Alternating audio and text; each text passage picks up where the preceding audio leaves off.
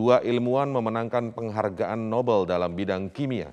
Keduanya dianugerahi penghargaan Nobel atas temuannya di bidang pengembangan molekul yang saat ini banyak digunakan untuk membuat berbagai senyawa, termasuk obat-obatan dan pestisida.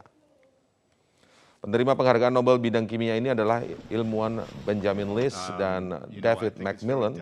Keduanya telah menemukan cara bagi para ilmuwan untuk memproduksi molekul-molekul dengan lebih murah, efisien, dan aman, serta dengan limbah berbayang jauh lebih sedikit.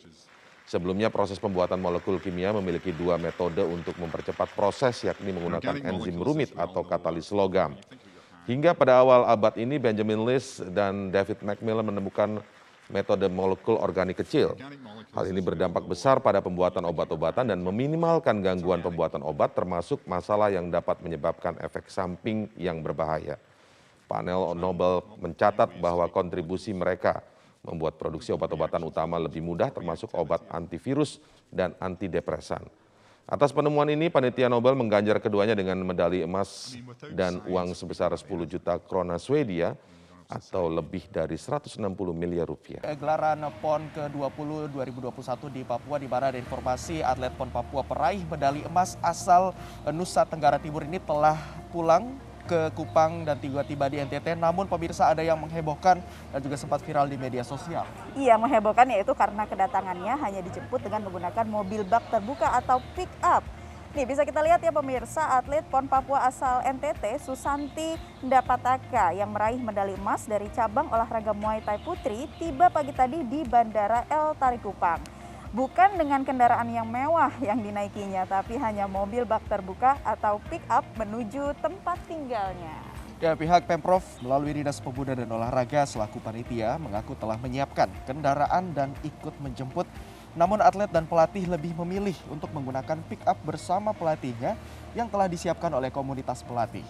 Pemerintah daerah sebelumnya juga telah memastikan akan memberikan penghargaan kepada atlet PON berprestasi. Terkait lima siswa SMA Muhammadiyah 1 Kecamatan Sidoarjo yang ternyata membuat inovasi pemirsa, yaitu mhm. inovasi pembungkus makanan berbahan baku ketela yang aman dan ramah lingkungan. Nah betul sekali Naila dan juga pemirsa uniknya pembungkus makanan ini bisa dimakan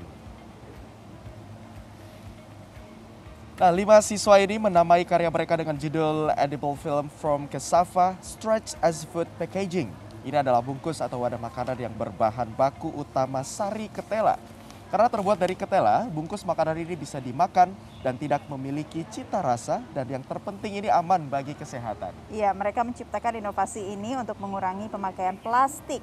Karya lima siswa Smamita ini meraih medali perak dalam World Youth Invention dan Innovation Award kategori lingkungan yang diselenggarakan Universitas Negeri Yogyakarta. Dan karya mereka bersaing dengan ratusan tim dari 37 negara. Seru iya, sekali ya. Ya. sampai 5 bisa mengurangi limbah sama plastik. Uh, pertama, limbah plastik itu kan banyak sekali. Lalu dari limbah plastik itu kebanyakan dari limbah plastik sama makanan yang dari plastik. Jadi kita ada ide buat mengurangi hal tersebut. Gardu PLN di Kebonjeruk, Jakarta Barat kebakaran. 8 unit mobil pemadam kebakaran dikerahkan ke lokasi. Atas insiden ini terjadi pemadaman listrik di wilayah Kebonjeruk dan sekitarnya. Untuk informasi selengkapnya kita bergabung dengan Gema Tanjung langsung dari wilayah Kebonjeruk, Jakarta Barat. Gema, apakah... Ap Ya, selamat pagi Egen dan juga pemirsa. Untuk saat ini kebakaran di Gardu PLN Kebun Jeruk Jakarta Barat sudah berhasil dipadamkan.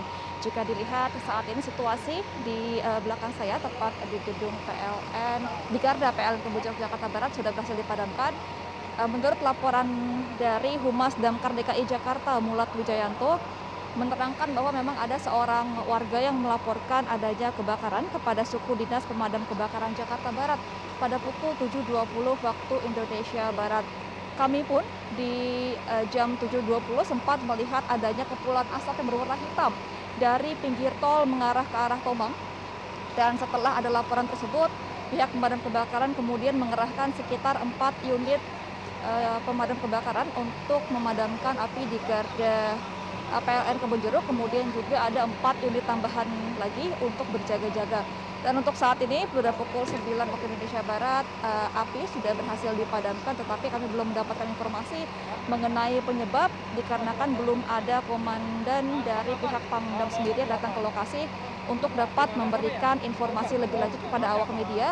Kami pun masih belum diperbolehkan untuk memasuki area gedung karena saat ini masih dalam kondisi steril dan masih dalam proses uh, pendinginan akibat dari kebakaran di Garda PLN Kebun Jeruk ini di sekitaran Kebun Jeruk tepatnya di Jalan Gili sampai ini terjadi pemada, uh, pemadaman listrik untuk uh, berjaga-jaga dikarenakan saat ini memang pihak Pemda masih berusaha berupaya untuk uh, memulihkan kondisi di Garda PLN Kebun Jeruk bisa dilihat saat ini uh, pihak dari pemadam kebakaran masih terus memasuki area Garda untuk mengetahui apa penyebab dari kebakaran tersebut.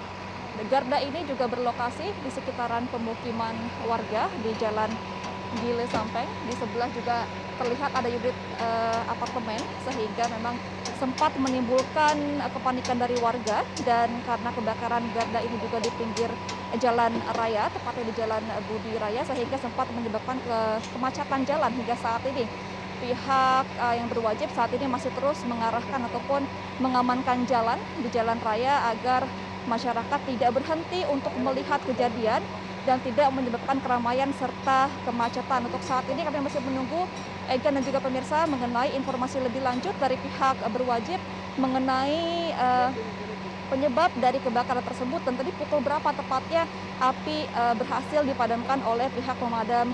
Potensi sumber daya energi panas bumi di Indonesia sangat melimpah, namun pemanfaatannya masih kurang dari 10 persen. Melimpahnya sumber daya panas bumi ini sejatinya bisa menjadikan panas bumi sebagai tulang punggung proses transisi energi fosil ke energi baru. Potensi sumber daya panas bumi di Indonesia sangat melimpah dengan cadangan hingga 23.765 MW.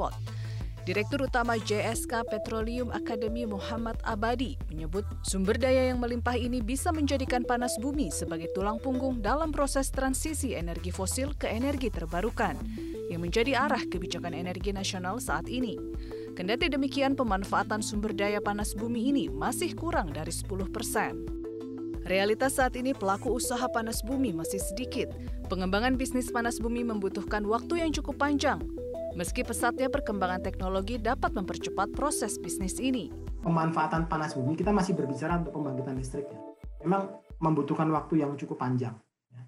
Hanya memang Eh, dalam beberapa perkembangan belakangan ini itu eh, teknologi terkait dengan pembangkitan listrik itu eh, cukup pesat berkembang. Sementara itu pengembangan panas bumi juga membutuhkan biaya investasi yang besar untuk membangun pembangkit listrik panas bumi berkapasitas 1 megawatt dibutuhkan biaya 4 hingga 5 juta dolar Amerika. Pembangunan geothermal itu kurang lebih antara 4 sampai 5 juta dolar per mega 4 sampai 5 juta dolar per mega. Jadi kalau misalkan ini bangun 10 mega itu 40 juta. Makin ke sini dengan adanya teknologi breakthrough, breakthrough dan adanya economy of scale karena semakin bertumbuhnya geothermal uh, tentu cost of development harusnya akan cost of manufacturing akan makin murah ya. Economy of scale itu yang tadinya 4 sampai 5 juta dolar per mega itu menurut saya udah berhasil bisa ditekan 3 sampai 4 juta dolar saat ini. Itu lumayan sekali. Pembiayaan investasi energi hijau menurut Sekjen Aspermigas Moshe Rizal saat ini lebih mudah didapat. Investor membutuhkan kepastian dalam berinvestasi. Duit sebenarnya lebih mudah ya untuk dicari. Nah, yang jadi masalah ini adalah yang non teknikal, yang non teknis, ya hal kayak perizinan, ya masalah lahan, ya kalau hydro itu kita uh, visibility study untuk hydro itu at least two years. Itu kan lama ya. Bayangin kalau resiko resiko itu mereka bayar itu studinya dan setelah itu mereka nggak bisa lanjut. Kenapa? Karena masalah lahan. Tingkat keekonomian tetap menjadi pertimbangan utama dalam pengembangan bisnis, termasuk panas bumi. Ketika nanti konsep ini tidak ekonomis, ya tentunya eh, para pengembang juga mungkin akan menahan diri ya karena saat ini kan untuk untuk uh, apa namanya tarif listrik masih masih dibatasi dengan uh, eh, BPP ya oleh oleh pemerintah ya. ya. Sebenarnya kalau kalau kalau pengembang yang lain itu berharap bisa ada fit in tarif ya. Karena kalau kita mau mengembangkan energi bersih, tentunya mau tidak mau harus ada peran pemerintah. Ya, ya karena kita bicara affordability tadi ya, ya masih terkesan mahal dibandingkan dengan energi. Pemanfaatan energi panas bumi di Indonesia saat ini lebih pada pembangkitan listrik. Pembangkit listrik panas bumi menjadi salah satu yang akan dikembangkan PLN dalam rencana usaha penyediaan tenaga listrik RUPTL 2021-2030 yang dirilis baru-baru ini. RUPTL ini menambah porsi EBT menjadi 51,2 persen.